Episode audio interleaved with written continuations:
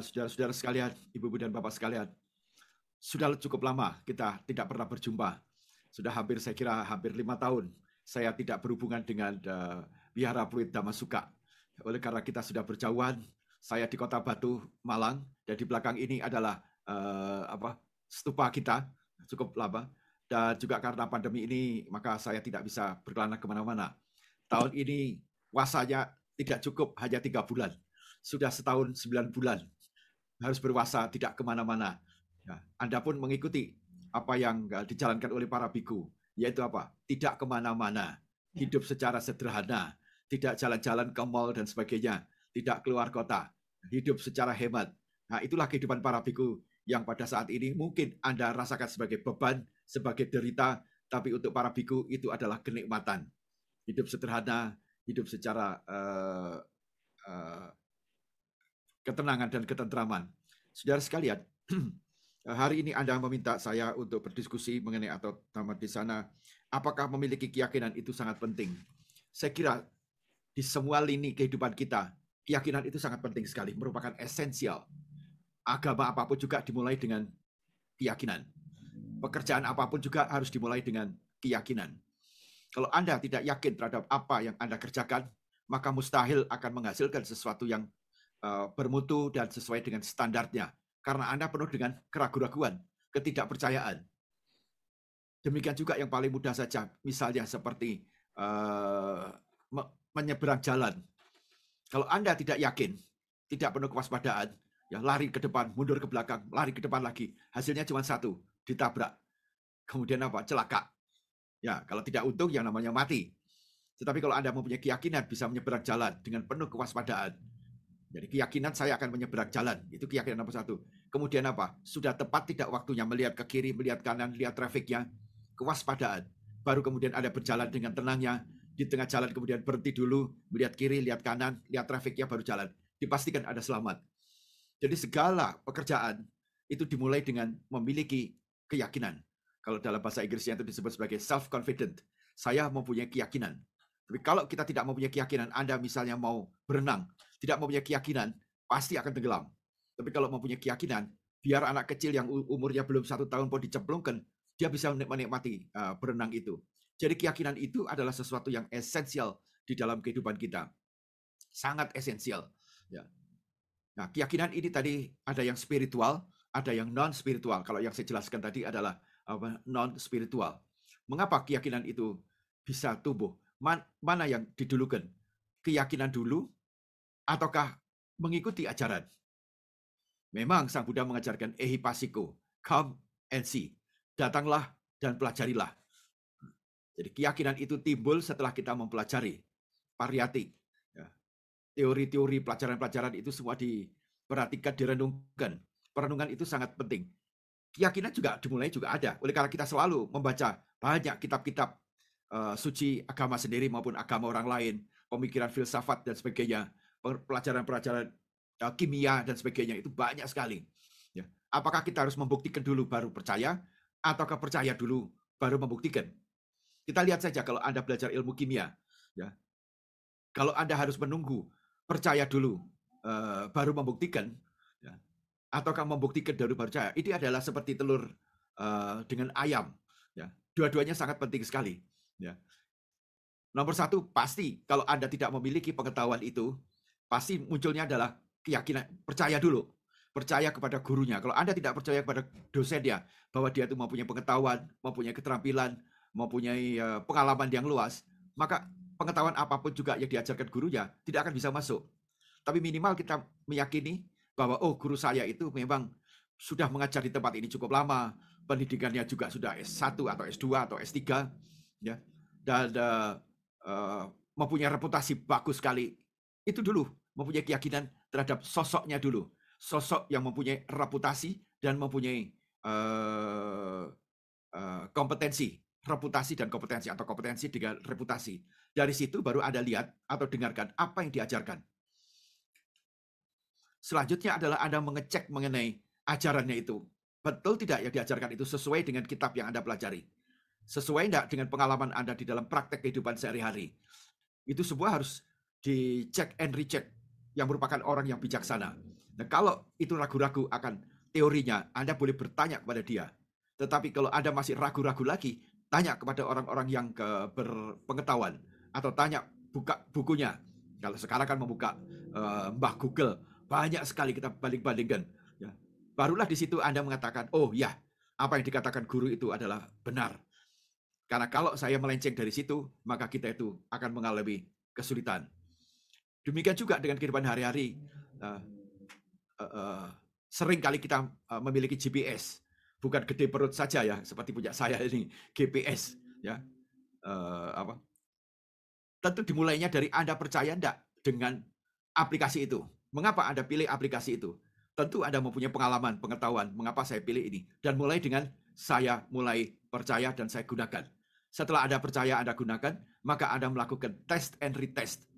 Berapa jauh GPS itu benar, tidak salah, dan up to date bertambah dia itu benar, baik dan up to date, maka Anda rely ya, apa tergantung daripada uh, eh, GPS itu.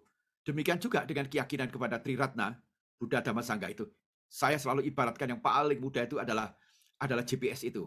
Bahwa Buddha itu kita percaya tidak bahwa beliau itu uh, maha suci, bijaksana, uh, pengetahuannya sempurna seperti kita mengatakan iti biso bagawa arahang sama sambuto bijacarana sampado sugato Lokawidu, Anutaro, Purisa Dhamma Sarati, Sata Dewa Manusalam, Manasana, Manusanam, Buddho Bagawati.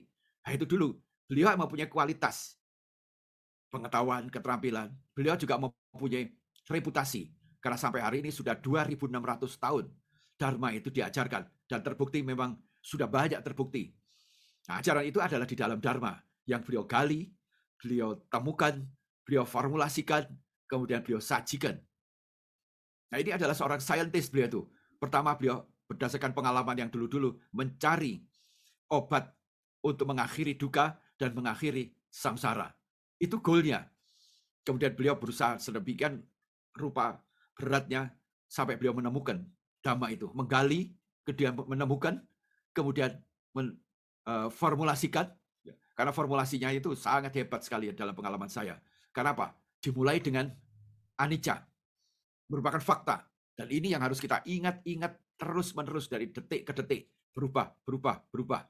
Nah, kalau itu berubah terus karena ada unsur aku, ada unsur ata, maka timbullah ketidakpuasan, ketidaksenangan, harapan, dan sebagainya. Inilah yang disebut sebagai duka.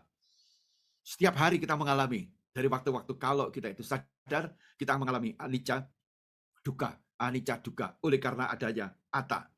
Tetapi kalau atanya itu dikecilkan, direduce, maka dukanya pun menjadi lebih kecil. Anicanya tidak berubah. Dan kita tidak bisa merubah anicca. Memperlambat anicca mungkin bisa. Tetapi menghilangkan anicca tidaklah mungkin. Ya.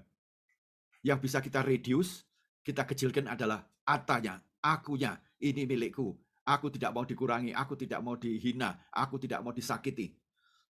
Akunya ini. Nah, dengan mereduce juga uh, anicca, eh maaf, dengan mereduce uh, atta, maka dengan sendirinya uh, duka itu uh, mengecil.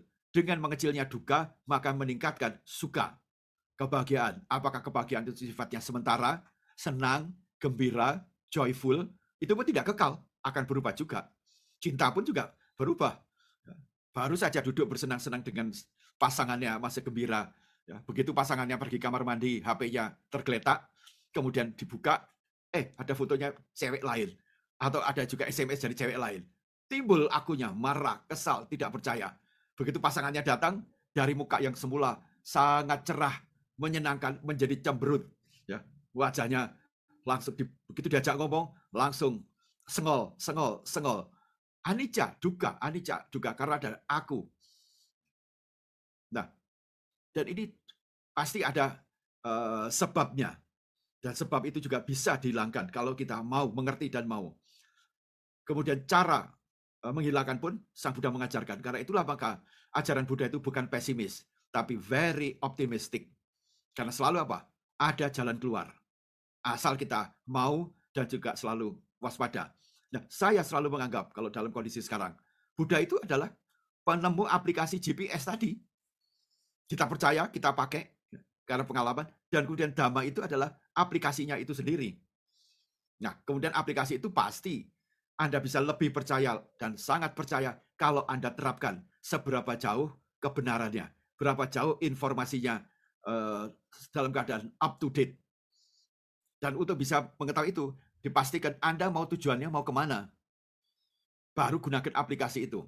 Anda harus jelas ke mana tujuan kita. Nah, dalam kehidupan juga begitu. Kita harus tahu goal daripada kita. Goal kita itu apa dalam kehidupan ini? Ya secara total adalah to achieve happiness, mencapai kebahagiaan dengan cara melenyapkan duka, melenyapkan kekotoran-kekotoran batin. Karena kekotoran batin itu mulai dari serakah, tidak senang, benci, dengki, iri, itu selalu muncul dalam kehidupan kita hari-hari. Baik itu dalam jumlah yang besar, menengah, ataupun kecil.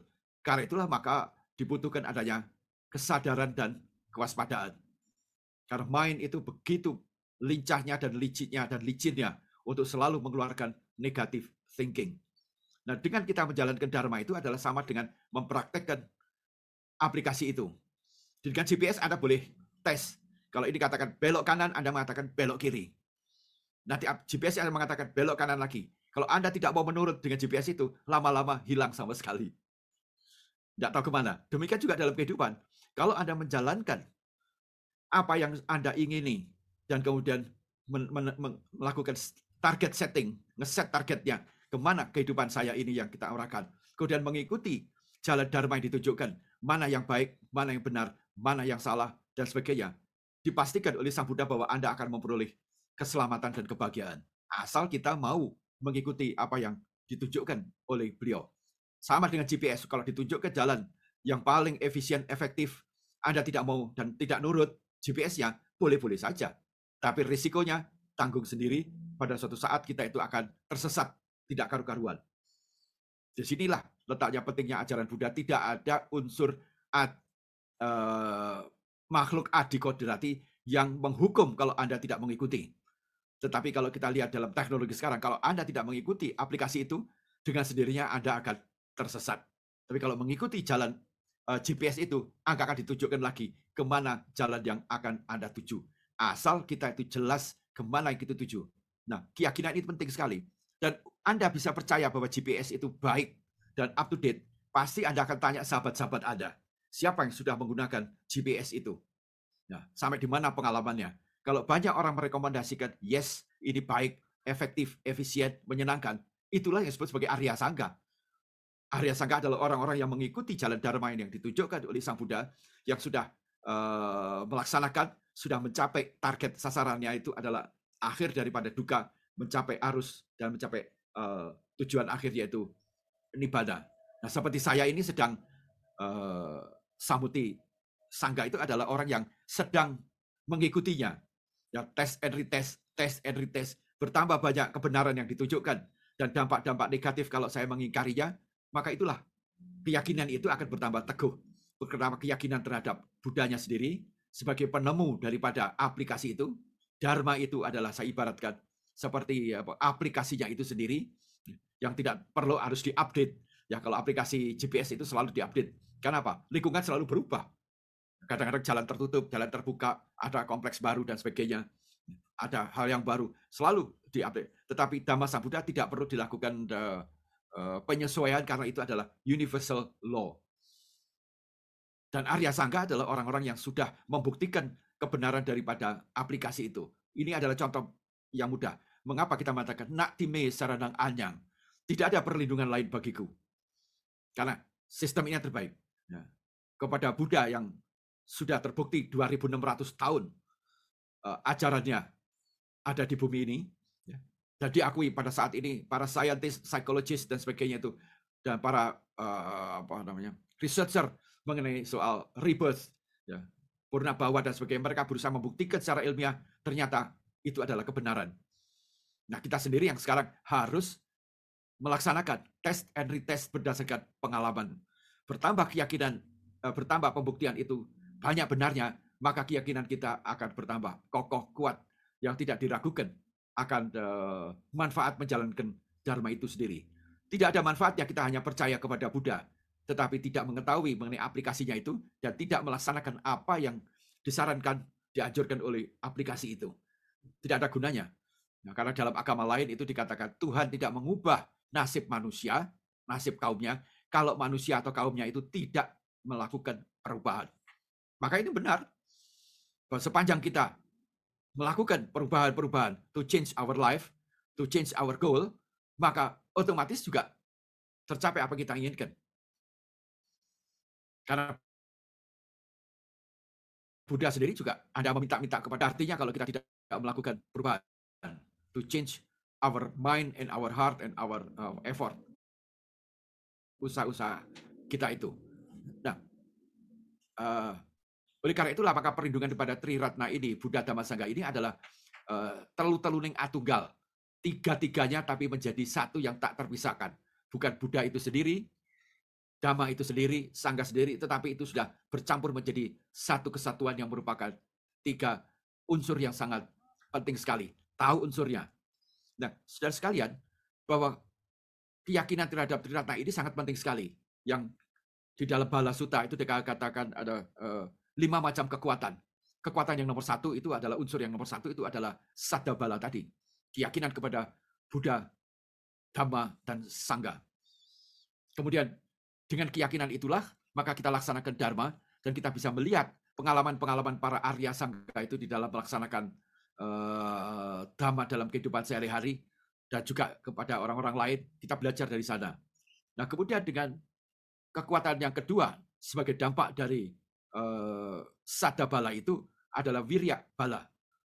Dengan kita meyakini kebenaran daripada uh, Dhamma, kita yakini bahwa Buddha adalah yang maha sempurna pengetahuannya, perilakunya, dan kita juga yakini bahwa Sangga itu adalah, Arya Sangga adalah orang-orang yang telah membuktikan kebenaran ajaran dan telah mencapai uh, target atau goalnya, maka timbullah semangat dari kita. Optimisme. Dengan pandemi kayak begini kita lihat betul-betul sekarang itu kita melihat anicca juga, anicca juga. Nah, kalau kita itu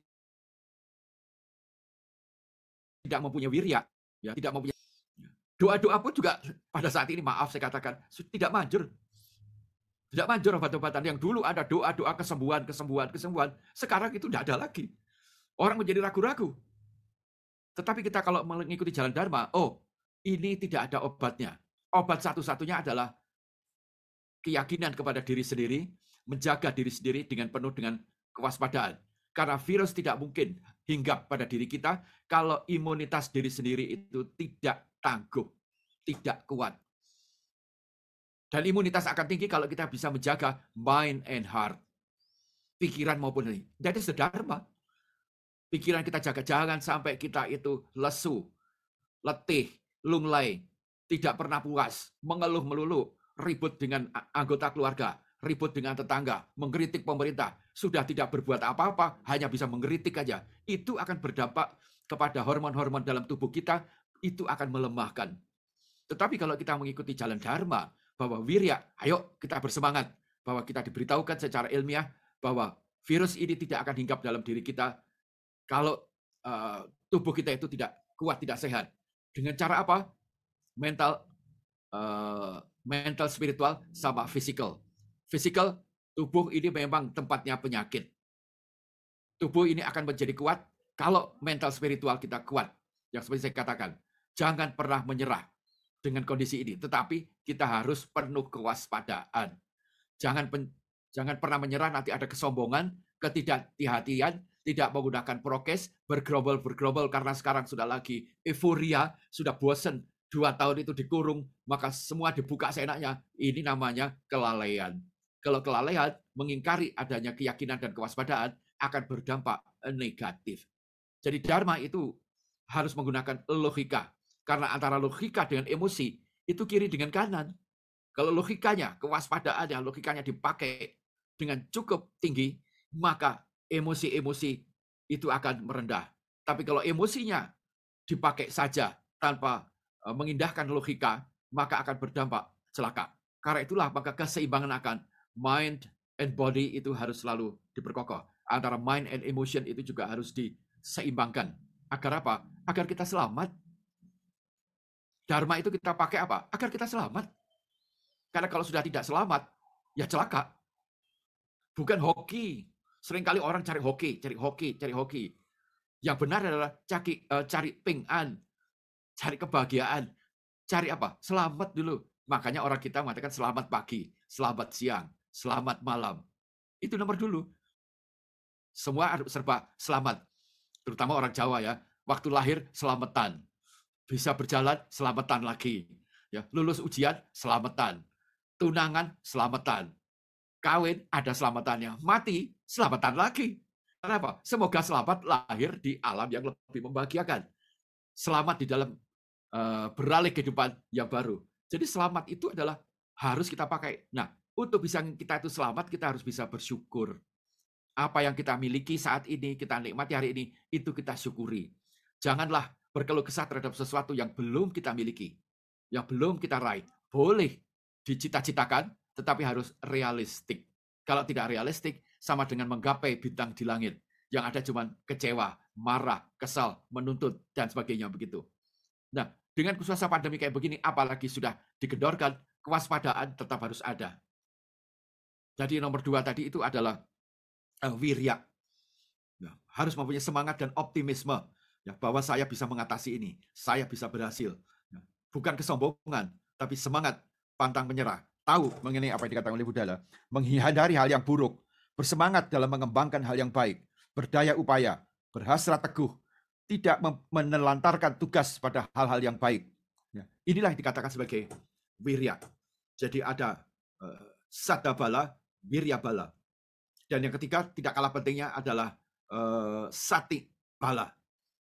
Fokus ya di dalam sati bala ini yang sangat penting itu adalah uh, berhati-hati dalam bertindak. Alertness dalam segala hal kita harus berhati-hati. Kalau tidak hati-hati tadi menyeberang jalan itu tadi ya celaka.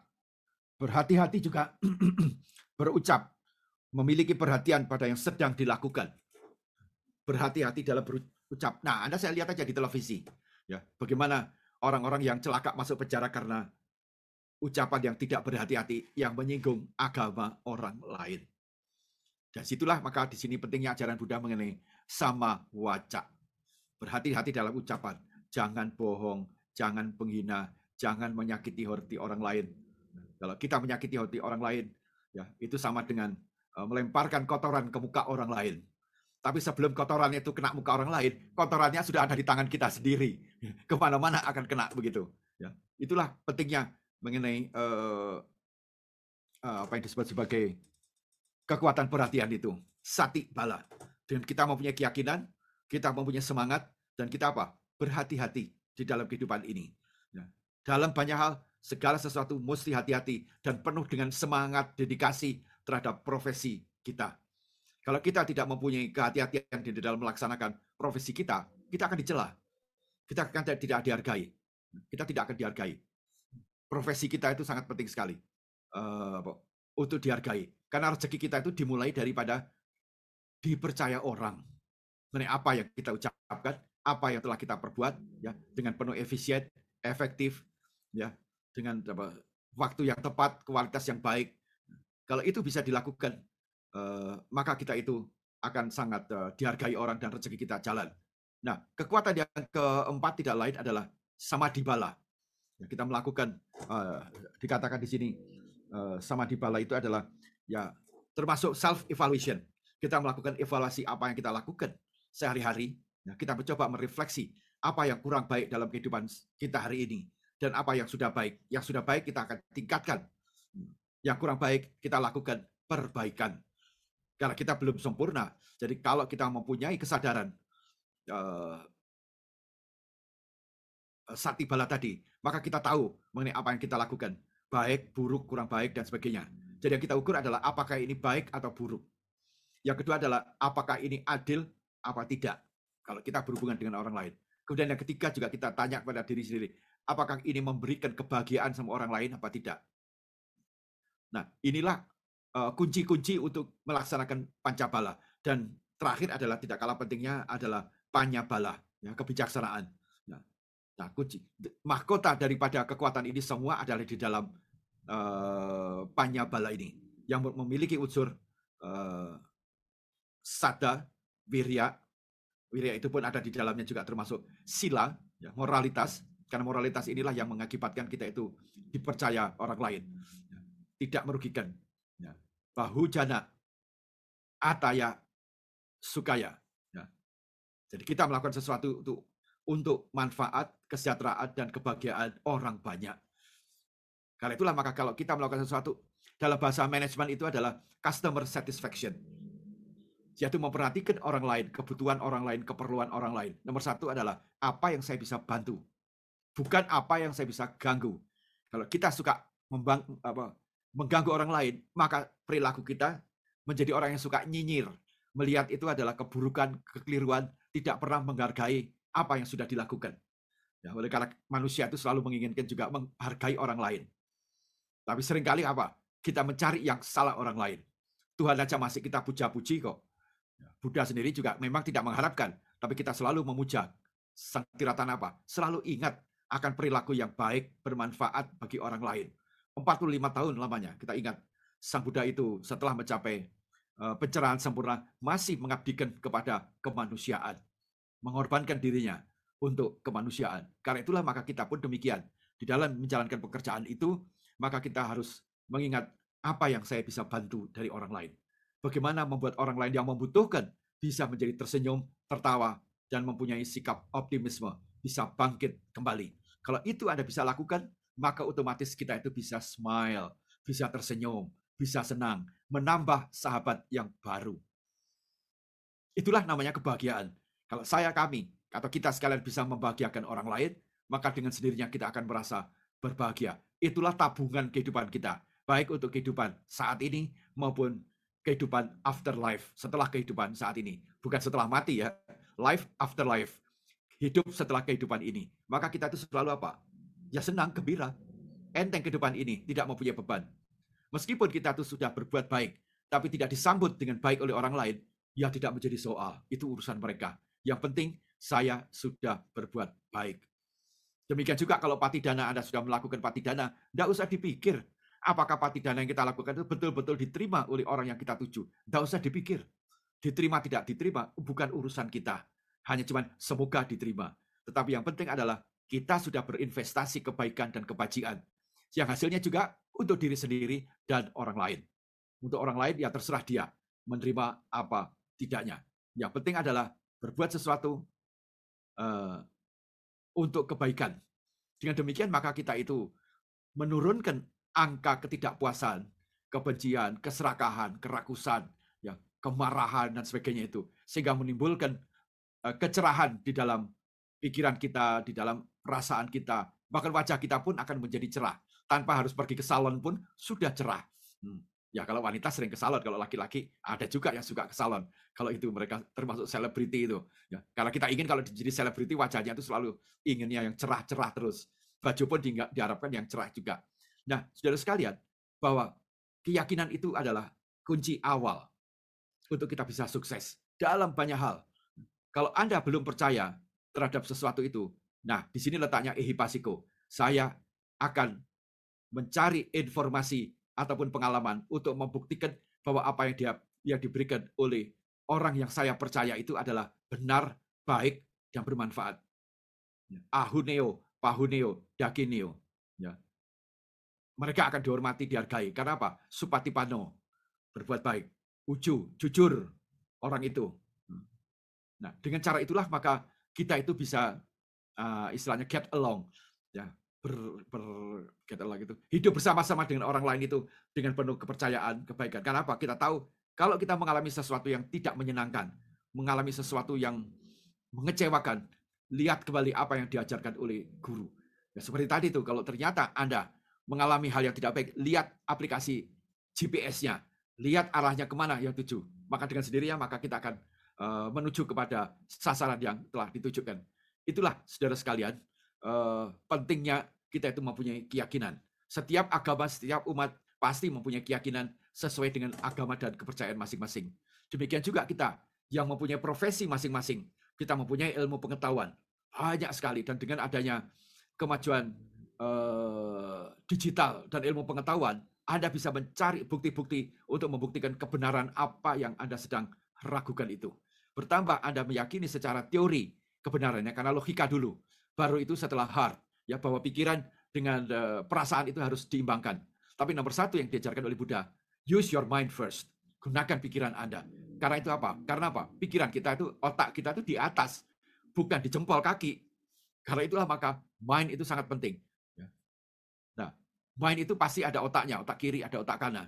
Kalau sudah Anda menemukan kebenaran di dalam logika, kemudian nomor cek kedua adalah to your heart. Ya, apakah ini baik? Apa ini benar? Apa ini adil? Itu by heart itu. Kalau jawabannya yes, ini benar, ini baik, itu adil, sudah laksanakan itu dengan penuh senyum. Apa pun risikonya, lakukan itu. Baik atau buruk, lihat aja. Karena mungkin hasilnya tidak baik itu bukan karena Anda, tetapi memang karena orang yang dihadapi Anda atau situasi di depan Anda itu kurang uh, menunjang. No problem, tidak ada masalah. Smile it. Anda tahu, bukan karena saya, tetapi karena kondisi yang lain itu tidak mendukung. Tetapi dengan cara itulah maka kita akan melakukan improvement. ya perbaikan terus menerus. Ya, seperti Sang Buddha itu melakukan improvement itu self improvement, spiritual improvement, tidak ada hentinya. Ya, saya pun juga begitu. Ya, meskipun sudah berpuluh-puluh tahun belajar dharma ya, tapi karena tidak sekolahan, tidak sekolah seperti yang lain-lain di uh, ya apa yang bisa? Karena Sang Buddha mengatakan, tahu sedikit terapkan yang sedikit itu. Dan yang sedikit itu sebagian berikan kepada orang lain. Tahu setengah banyak, terapkan kemudian berikan sebagian dari setengah itu kepada orang lain. Jadi take and give itu sangat penting sekali. Ini yang katakan sebagai sharing and caring. Sharing itu membagi apa yang Anda miliki, baik pengetahuan, keterampilan, ataupun milik-milik yang seanggap Anda milik itu, eh, materi maupun non-materi kepada orang lain. Sharing, berbagi. Kemudian apa? Caring, peduli terhadap orang lain. Kalau dia memang senang, gembira, berhasil mendapatkan janganlah iri hati muncul, tapi doakan semoga mereka dapat menikmati dan memegang teguh apa yang telah dicapainya. Jangan sampai menimbulkan iri, marah, kesal. Kenapa bukan saya? Itu memang bagian daripada badan kita selalu begitu kadang-kadang. Caring, terutama adalah peduli kepada orang-orang di lingkungan kita yang sedang manyun, yang sedang mukanya itu asem, yang sedang tidak cerah, yang sedang uh, lunglai, Coba perhatikan apa yang Anda bisa berikan. Kalau melihat orang yang kondisinya begitu, maka Anda mengatakan inilah kesempatan untuk menanam kebaikan-kebajikan sebagai tambahan investasi saya. Karena apa? Kami mempunyai keyakinan terhadap hukum kama, terhadap kama pala. Ya. Kita mempunyai keyakinan. Kalau kita tidak punya keyakinan, ah biarin aja itu karmanya dia kok. Nasibnya dia aja kayak gitu, ditinggal. Tetapi kalau kita meyakini adanya hukum kama, ah ini kesempatan saya untuk berbuat kebajikan. Tidak usah dilihat balasannya, kalau menunggu balasannya dia membalas, itu namanya trading. Berdagang agama. Kalau saya berbuat kebaikan, saya harapkan dia mengembalikan atau kebaikan itu berupa yang lain. Kalau dia tidak memberikan uh, return, uh, umpan balik, saya marah, saya kesal. Saya sudah nolong, kok dia tidak ingat saya. Kalau melengkos sekarang, tidak usah. Hukum kama itu berlaku. Kalau kita berbuat kebaikan, kebajikan kepada orang lain, balasannya itu bukan dari yang bersangkutan. Nanti dari orang-orang lain yang kadang kala dalam pengalaman saya, orang-orang yang tidak dikenal itu, tidak dikenal. Tapi mendadak memberikan suatu uh, rezeki, pertolongan, kesempatan ya kepada saya untuk melaksanakan sesuatu. Karena itu apa? Mengikhlaskan apa yang kita berikan kepada orang lain tanpa menuntut orang itu uh, memberikan umpan balik. Dengan cara demikian maka keikhlasan itu akan berkualitas tinggi yang akan bisa menyelamatkan uh, kita. Ya, demikianlah saudara sekalian, uh, Urian Dharma Bante pada uh, malam hari ini sebagai bekal uh, penutup uh, bulan September ini. Ya. Uh, semoga dengan kekuatan keyakinan kita kepada Sang Tiratana Buddha Dhamma Sangha sebagai Tritunggal, tiga yang menjadi satu, akan memberikan perlindungan kepada kita, memberikan jalan selamat kepada kita, dan memberikan berkah kepada kita sekalian. Sabi sata bawantu sukitata. Semoga semua makhluk berbahagia. Di kolom chat ini ada pertanyaan, Dante, selamat malam, Namo Buddhaya. Saya ingin bertanya, ada teman saya yang baru mau belajar mendalami agama Buddha. Dia bertanya kepada saya, apakah di dalam Buddhis masih ada istilah baptis? Lalu saya menjawab, dengan membaca parita perlindungan terhadap Buddha, Dhamma, dan Sangha sudah merupakan baptis. Nah, Bante, apakah hal yang saya katakan itu sudah benar? Terima kasih, Bante. Ya, uh, baptis secara agama lain itu tidak ada. Karena baptis di situ adalah menarik orang untuk masuk dalam agamanya atas nama Tuhan. Tetapi kita sini baptis di dalam pengertiannya membuat tekad dan pernyataan saya berlindung kepada Buddha Dhamma Sangha, nah itu pasti ada. Pasti ada. Apakah secara diam-diam ya, dengan mengucapkan budang sarana gajami, damang sarana gajami, sanggang sarana gajami tanpa adanya ritual. Kalau baptis kan ada ritualnya, pakai air dikepretin ataupun begitu. Nah, dengan membuat pernyataan itu sudah sebenarnya sudah sudah merupakan tekad dan pernyataan dua tadi. Tekad dan pernyataan tekad untuk berlindung kepada Triratna dan pernyataan dengan suatu formulasi ya dengan dia menghormat kepada Buddha di mana pun ada uh, gambar ataupun patung Buddha maka dia selalu ingat kepada kebaikan kebajikan dan kemuliaan daripada Buddha dan dia hormat itu sudah merupakan kekuatan spiritual yang sangat penting sekali. Nah kalau mau formulasi baptis yaitu adalah uh, membuat tekad dan pernyataan secara terbuka kepada semua orang khususnya umat dalam wihara dengan menjadi upasaka atau upasika. Upasaka upasika. Karena apa? Waduh, Bante tidak mau saya jadi upasaka atau upasika. Kenapa? Takut saya belum benar. Tidak boleh membunuh, tidak boleh mencuri, tidak boleh. Maka ya memang itu formulasinya ya keliru. Waktu saya masih muda pun dapat dapat bimbingan yang salah juga. Bahkan lagu-lagu Buddhis masih ada tidak membunuh, tidak mencuri. Ya, itu keliru. Kenapa kelirunya? Kalau itu tidak, itu itu sudah menjadi zero. Sedangkan kita itu masih hidup itu masih jalan terus. Yang benar adalah saya bertekad untuk melatih diri sikap badan. Jadi saya bertekad. Tekadnya dulu kalau nggak ada tekad nggak bisa. Yaitu keyakinan tadi itu. Kedua adalah melatih diri. Ya ketika untuk menghindari pembunuhan, tindakan kekerasan, eh, mengambil barang yang bukan haknya dan seterusnya begitu. Jadi eh, baptis itu tetap ada bentuknya yang berbeda. Kemudian karena manusia itu suka formalitas, lah maka dilakukan ke kepretan itu ya, uh, menggunakan air suci untuk diberitakan. Kemudian ah, banyak sekali ada ritual-ritual karena manusia itu senang sekali dengan eh, ritual-ritual, maka diciptakan ritual-ritual sesuai dengan tradisi masing-masing. Jadi yang paling benar itu kalau orang dibaptis itu tidak lain adalah menjadi upasaka dan upasika. Ya. Yaitu berlindung kepada, menghormat kepada uh, Buddha dulu, Butang Saranaga Jami, uh, apa, maaf, apa Namo Tassa, kemudian berlindung kepada Tiratana atau Triratna. Yang ketiga yang tidak terpisahkan itu adalah berjanji melaksanakan Pancasila Buddhis dengan sebaik-baiknya demi kebahagiaan diri sendiri dan orang lain. Ya, selamat malam Wandami Bante, saudara uh, budaya. Ya, ya. ya uh, jadi uh, misalkan ada orang ya, uh, misalnya umat Buddhis uh, Bante, yang istilahnya taat ya, taat beribadah, uh, kemudian uh, menjalankan ajaran sesuai dengan ajaran Buddha. Kemudian uh, istilahnya karena dia mengalami kesulitan ataupun misalkan masalah klasik seperti uh, masalah cinta ya Bante ya. Jadi istilahnya dia punya pasangan yang berbeda keyakinan. Jadi istilahnya uh, dia mau tidak mau gitu kan mengikuti keyakinan dari pasangannya gitu karena istilahnya pasangannya menghendaki bahwa dia uh, seharusnya mengikuti keyakinan dari uh, pasangan yang berbeda keyakinan itu. Nah, pertanyaannya Bante, uh, salahkah jika misalkan orang yang istilahnya mau tidak mau berpindah keyakinan tersebut ya berpindah keyakinan terhadap kepercayaan lain tetapi istilahnya uh, dia masih berpegang teguh kepada istilahnya jalan jalan mulia berunsur delapan uh, sila dan juga uh, sama di Bante karena istilahnya uh, orang yang benar-benar misalkan Buddhisnya kuat gitu kan meskipun misalnya mau tidak mau dihadapkan kepada situasi harus berpindah keyakinan uh, saya yakin istilahnya sangat sayang sekali jika istilahnya latihan dia selama ini gitu kan. Hanya demi uh, mengorbankan uh, apa ya demi pasangannya gitu kan. Dia mengorbankan uh, latihannya selama ini ya kan. Jadi istilahnya bukan bukan suatu alasan gitu. Ketika dia istilahnya berpindah keyakinan itu dia juga istilahnya berhenti untuk uh, melatih jalan kemudian berusaha delapan, melatih sila dan juga melatih sama di Bante. Jadi menurut Bante gimana kalau misalnya seandainya udah berpindah keyakinan tapi dalam hati gitu kita tetap menjalankan ajaran ajaran dhamma gitu Bante mungkin uh, Bante juga memiliki solusi jika ada orang yang benar-benar menghadap, uh, uh, menghadapi situasi yang sama seperti itu Bante. Ya, mohon penjelasannya Bante. Terima kasih. Ya, saya kira itu uh, fenomena yang sangat umum sekali. Ya, saya memang di Surabaya pernah ada tiga pria datang kepada saya sekaligus. Mereka menceritakan masalah begitu. Dan saya tanya satu persatu. Kalau yang satu mengatakan, wah sangat uh, pragmatis. Ya sudahlah, agama itu untuk apa sih? Selama itu saya bahagia ya sudah. Ya saya ikut yang perempuannya. Nah itu termasuk calon suami yang takut istri itu. Nah, udahlah kita maunya apa laki-laki kan begitu. Paling takut sama istri, istrinya mau apa ngomel itu ya sudah daripada ribet saya ikut aja. Ada yang kedua uh, mengatakan saya akan pertimbangkan dulu. Kalau bisa memang uh, dua-duanya mempunyai keyakinan yang berbeda itu menjalankan masing-masing, akan tetapi uh, saling uh, apa memfasilitasi dengan lain, ya saling saling melengkapi.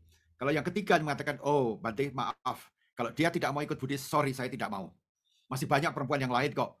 Saya akan cari yang betul-betul.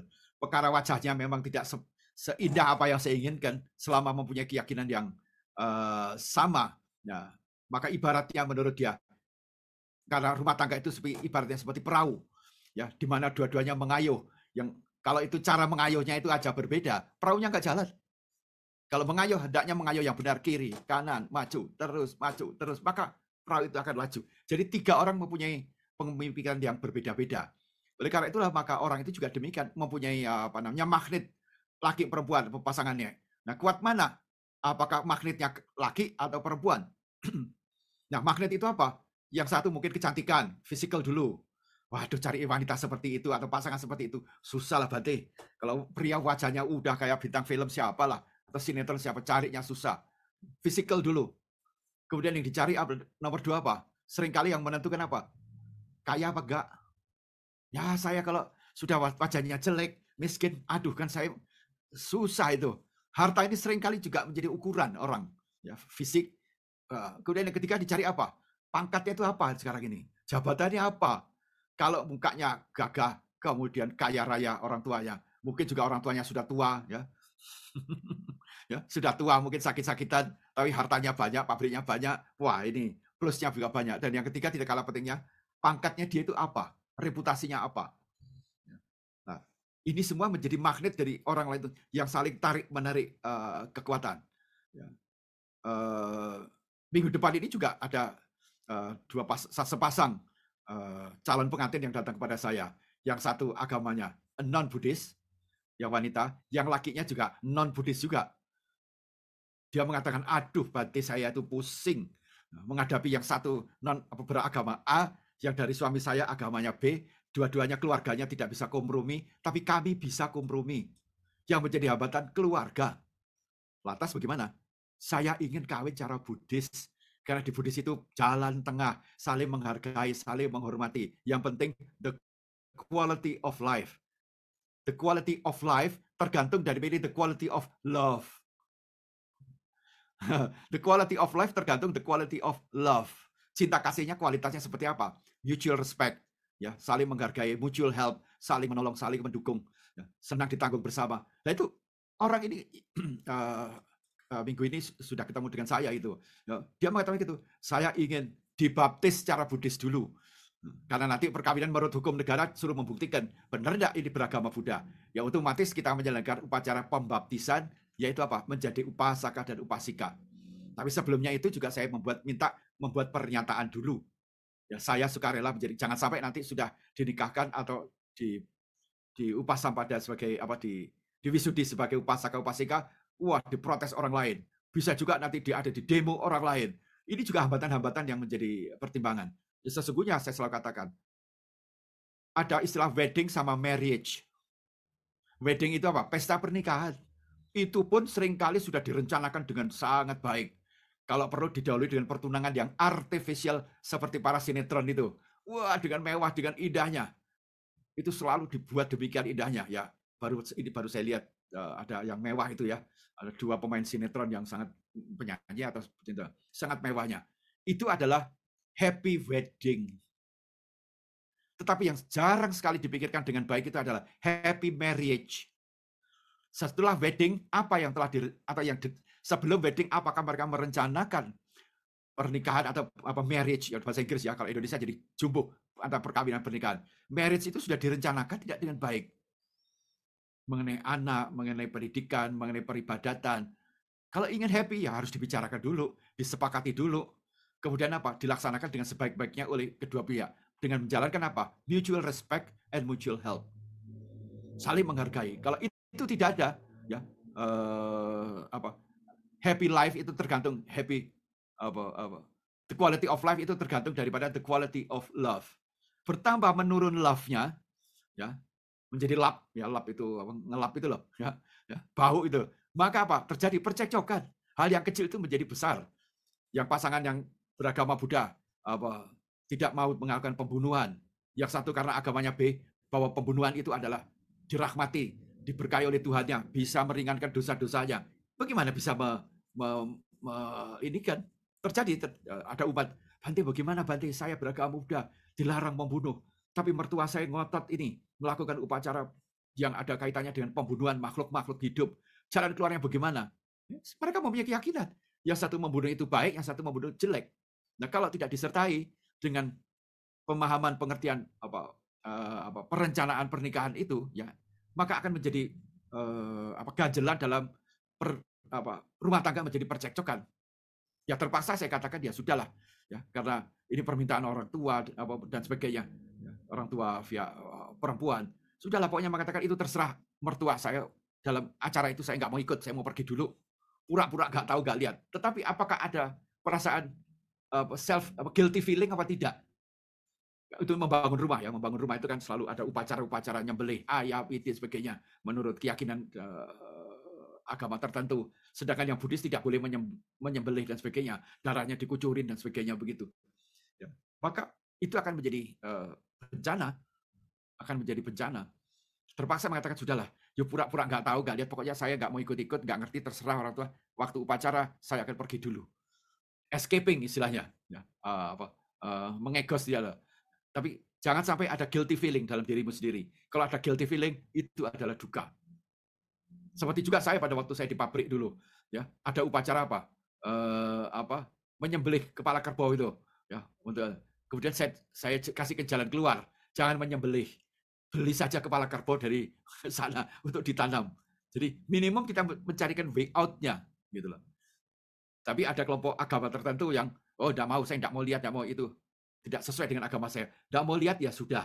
Karena ada kepercayaan lokal harus ada tandem kepala kerbau membuat jembatan dan sebagainya begitu. Nah, ini yang harus dipikirkan adanya perbedaan-perbedaan, differences di antara dua pasangan itu yang kalau tidak di-manage dengan baik, tidak direncanakan, dicarikan solusi yang baik akan menjadi duri dalam pernikahan itu mengakibatkan percekcokan dan perpisahan akhirnya. Ya. Bisa terjadi. Seagama saja juga belum tentu bersatu kok. Berapa banyak lihat di televisi orang yang seagama itu. Apa pasti itu happy? Belum tentu. Happiness tergantung daripada tadi itu sharing and caring, love and understanding, mutual respect and uh, mutual help itu. Berapa banyak anda lihat di televisi, baru kawin tiga bulan langsung cerai, seagama mereka. Hmm. Tapi ada juga yang berbeda agama, juga uh, memang ritualnya mungkin karena undang-undang mengharuskan harus sama agamanya. Jadi ada understanding, ya sudahlah, demi cinta kita, demi kebahagiaan soal ritual saya ikut. Kalau dari Buddhis, Ya silakan aja itu ritual kok. Ritual itu kan seperti baju. Seperti baju sebenarnya. Hmm. Tetapi yang penting adalah the quality of understanding, the quality of life, and the quality of love. Itu dua-duanya saling mengikat. Bertambah love-nya itu merosot, pecekcokan, ketidaksenangan, kecemburuan, wah itu membesar terus. Bertambah love itu mengecil, maka eh, apa namanya ketidakbahagiaan itu akan muncul. Jadi semua tergantung daripada the inner peace. Inner peace tergantung daripada inner love and understanding and respect begitu. Ya, tidak ada resepnya. Kalau ada di negara barat, tidak ada masalah. Pernikahan itu urusan sipil, negara yang menikahkan. Setelah itu terserah menurut agama apa itu, tidak menjadi soal. Karena itulah di negara Buddhis sebenarnya tidak ada pernikahan di dalam vihara. Yang ada cuma di Indonesia. Karena apa? Ada undang-undangnya. Tidak ada orang bernikah di vihara itu, tidak ada. Pakai baju pengantin masuk vihara itu tidak ada. Tetapi setelah menikah menurut hukum negara, sah sebagai suami istri, datang ke wihara, meminta restu berkah daripada para bante membacakan parita dan berdana makanan, ya itu. Sebagai suami istri. Bukan untuk menikahkan begitu. Karena itu saya pun juga begitu. Karena ya di Indonesia yang khusus, dan uh, dengan maksud-maksud tertentu ya sudah dilaksanakan karena agama lain juga begitu. Ya kita terpaksa menyerah. Tapi pada waktu saya menikahkan uh, anak angkat saya, tidak di wihara. Kita menikahkan dengan cara Buddhis juga, yaitu di apa? Di hotel besok itu hari Minggu. Nah, ini setiap hari Minggu ini, Sabtu Minggu ini saya selalu menikahkan apa pasangan di hotel. Tidak di wihara. Kalau agama lain selalu di tempat ibadahnya. Islam bisa di masjid tapi juga dulu kebanyakan selalu di rumah. Kalau Kristen selalu di gereja. Karena apa? Menghadap Tuhan. Nah, karena itulah maka the quality of life and quality of love itu sangat menentukan uh, dari suatu pasangan untuk uh, mutual respect and mutual help. Dan itu akan uh, mendatangkan karena menikah adalah untuk apa? Mencari kebahagiaan. Bukan kebahagiaan sementara, tapi kebahagiaan yang sangat lama. Dan itu ibaratnya uh, naik perahu itu yang namanya angin dan gelombang itu akan terus-menerus datang. Kalau tidak ada kesepakatan dari kedua belah pihak, ya, termasuk dukungan keluarga, itu akan tenggelam kapal itu. Karena apa? Tidak ada kesepakatan. Sharing and caring itu. Saling membutuhkan, saling membantu. Itu dulu yang harus direncanakan. Menjadi apa? Merencanakan happy wedding. Eh, maaf. Uh, happy marriage. Happy wedding gampang. Selama Anda punya uang, gampang. Kasih IO aja udah beres semua. Tapi untuk happy marriage, you tidak bisa memberikan kepada eh, IO-nya itu. Nggak ada. Tergantung kepada dua-duanya. Juga orang tua juga sangat menentukan. Ya, itu jawaban saya. Oh, berikutnya masih ada satu pertanyaan nih, Bante, hmm, dari Ibu Ratna. Selamat malam, Bante. Mau tanya, apakah ada hubungannya berat jodoh dengan karma masa lalu? Dan kalau ada, apa penyebabnya kira-kira? Dan apakah jodoh itu bisa terlewat karena pilih bisa terlewat karena pilihan kita sendiri? Terima kasih. Ya, sama dengan saya nggak dapat jodoh itu sampai tua. ya, tergantung ya. Uh, karma lampau itu adalah karma yang sekarang itu sangat menentukan, bukan karma before life. Karma before life itu kita tidak bisa lihat, tidak bisa membenarkan. Tetapi karma sekarang itu sangat menentukan. Yang pertama adalah apa Anda ingin menikah atau diharuskan menikah. Karena agama lain itu mengharuskan adanya menikah. Kalau tidak menikah, Tuhan tidak akan terima nggak akan masuk surga itu. Karena tidak menikah itu kemungkinan untuk melakukan maksiat itu akan banyak katanya mereka.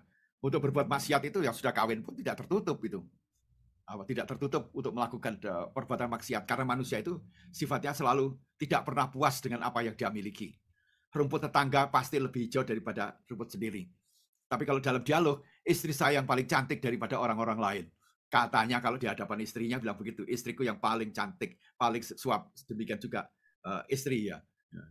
Dikatakan, oh istri, suami saya paling setia. Kalau tidak ketahuan dia nyeleweng itu. Begitu ketahuan, waduh, saya nggak tahu itu. Ya. Nah, jodoh itu tergantung kita sendiri. Apakah tidak ada konsep yang kaitannya dengan uh, norma dalam masyarakat.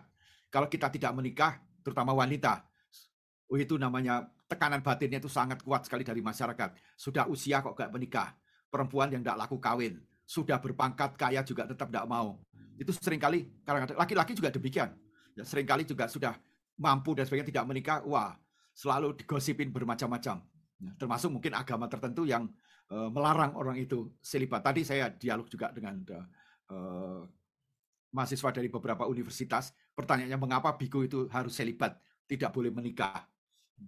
Karena itu buat mereka menyalahi kodratnya, ya, tidak menikah itu. Ya, saya juga apa terangkan. Jadi kalau kita mau punya keyakinan dia, tidak menikah tidak menjadi masalah, karena saya kepengen mencari happiness. Ya, sen, hidup sendiri pun bisa berbahagia.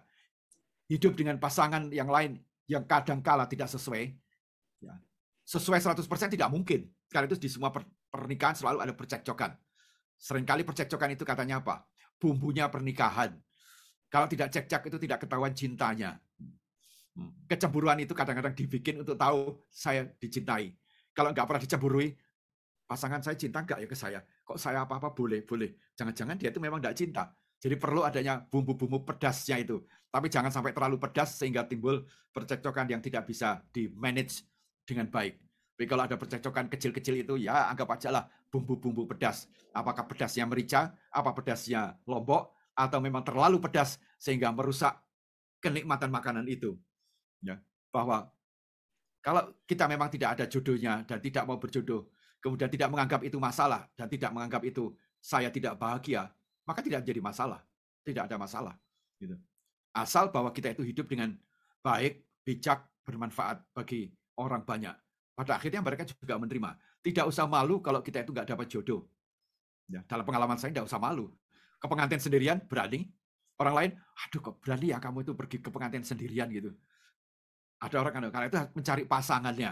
Kalau pasangannya itu nggak mau ikut, dia nggak mau pergi, malu sendiri. Saya bilang, saya lahir juga sendirian, nanti mati ya sendirian, nggak ada yang mau menemani saya. Kenapa dalam kurun waktu antara lahir dan mati sendirian itu dikhawatirkan, ditakutkan? Waktu di tempat perkawinan, banyak teman-teman yang hadir, banyak punya sahabat, apa yang dimalukan? Saya tidak mencuri, saya tidak. Sehingga apa? Kembali kepada dirinya sendiri. Ya, bahwa ada memang budaya agama tertentu atau budaya masyarakat tertentu yang sangat mencela orang yang tidak menikah dan itu menjadi tekanan batin. Tapi tekanan yang lebih besar lagi kalau dia menjadi janda. Kok jadi duda nggak terlalu tertekan? Karena apa? Ya tetap dia laki-laki. Kalau wanita ada janda lewat itu kadang-kadang mesti diomongin orang.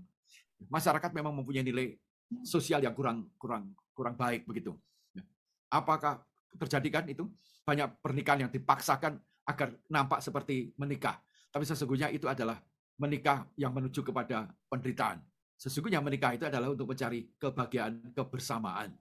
Ya, apakah kebersamaan dalam dalam agama, dalam sosial budaya tidak perlu harus sama kebersamaan. Tangan ini aja dua kebersamaan. Kalau satu ke depan ya satu ke belakang. Sepatu juga tidak harus sama. Kalau dua sepatu itu sama, Anda nggak bisa berjalan.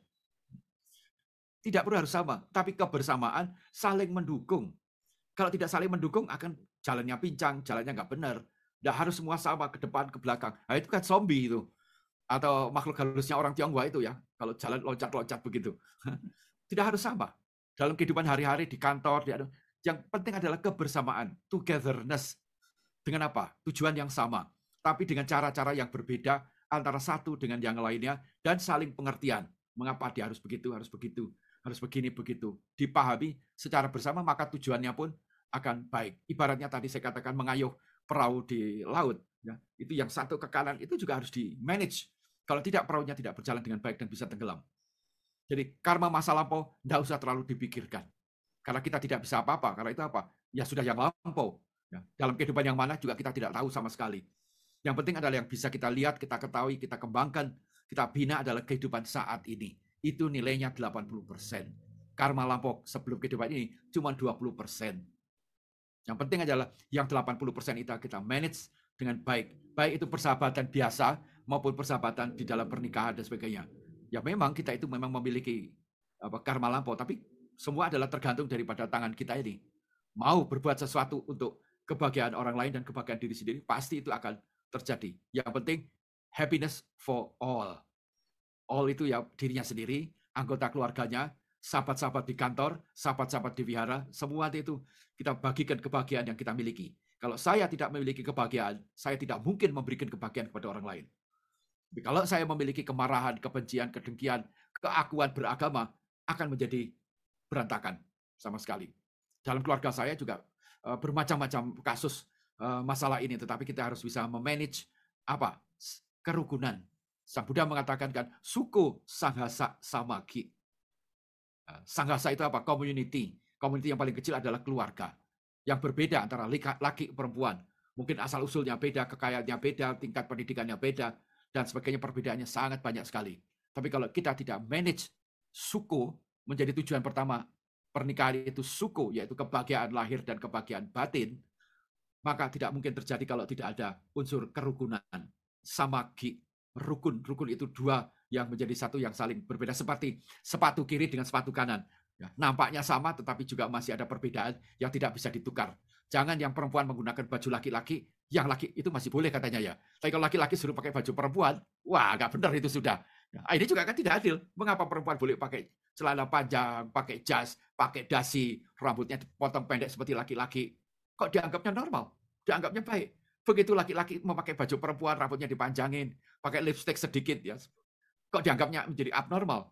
Ini kita lihat hal-hal ini yang harus kita lihat bahwa tidak harus sama tetapi kebersamaan untuk menuju kepada mutual happiness itu sangat penting sekali. Yang penting itu apa tujuannya? Happiness.